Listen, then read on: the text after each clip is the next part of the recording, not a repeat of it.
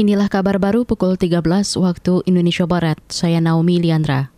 Indonesia berharap terbentuk manufaktur dan sumber daya global saat pertemuan Menteri Kesehatan anggota G20 di Yogyakarta pekan ini.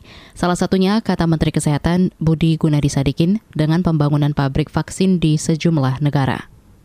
Saat ini pabrik vaksin telah terbangun di Afrika Selatan, Brasil, dan Argentina. Sementara di kawasan selatan, pabrik vaksin rencananya akan dibangun di India dan Indonesia.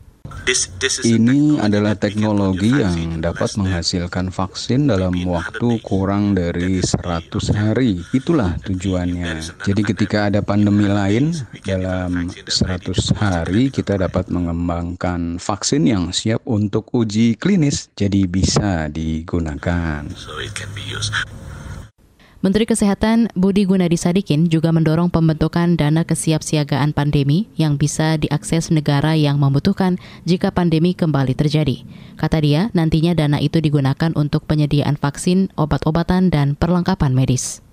Tim di Direktorat dan Reserse Kriminal khusus Polda Papua Barat masih mengejar seorang pemodal tambang emas ilegal di Kampung Waserawi, Kabupaten Manokwari. Direktur Reskrimsus Polda Papua Barat, Romilus Tamle Haitu, mengatakan kepolisian telah menangkap 30-an orang penambang ilegal pada pertengahan Juni lalu. Mereka yang ditangkap di antaranya pemodal berinisial O dan satu lainnya berinisial BCL masuk dalam daftar pencarian orang.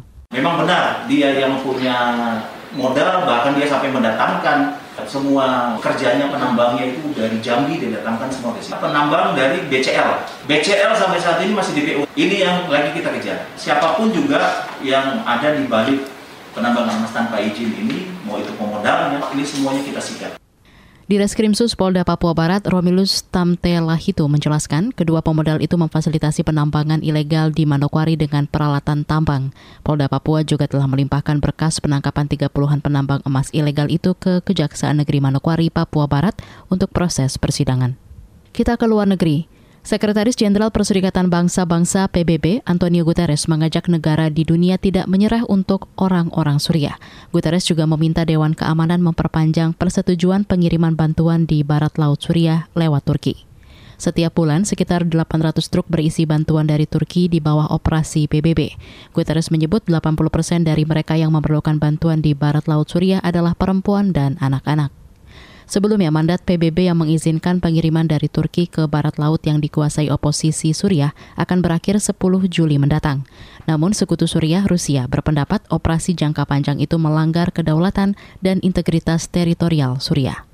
Demikian kabar baru KBR, saya Naomi Liandra.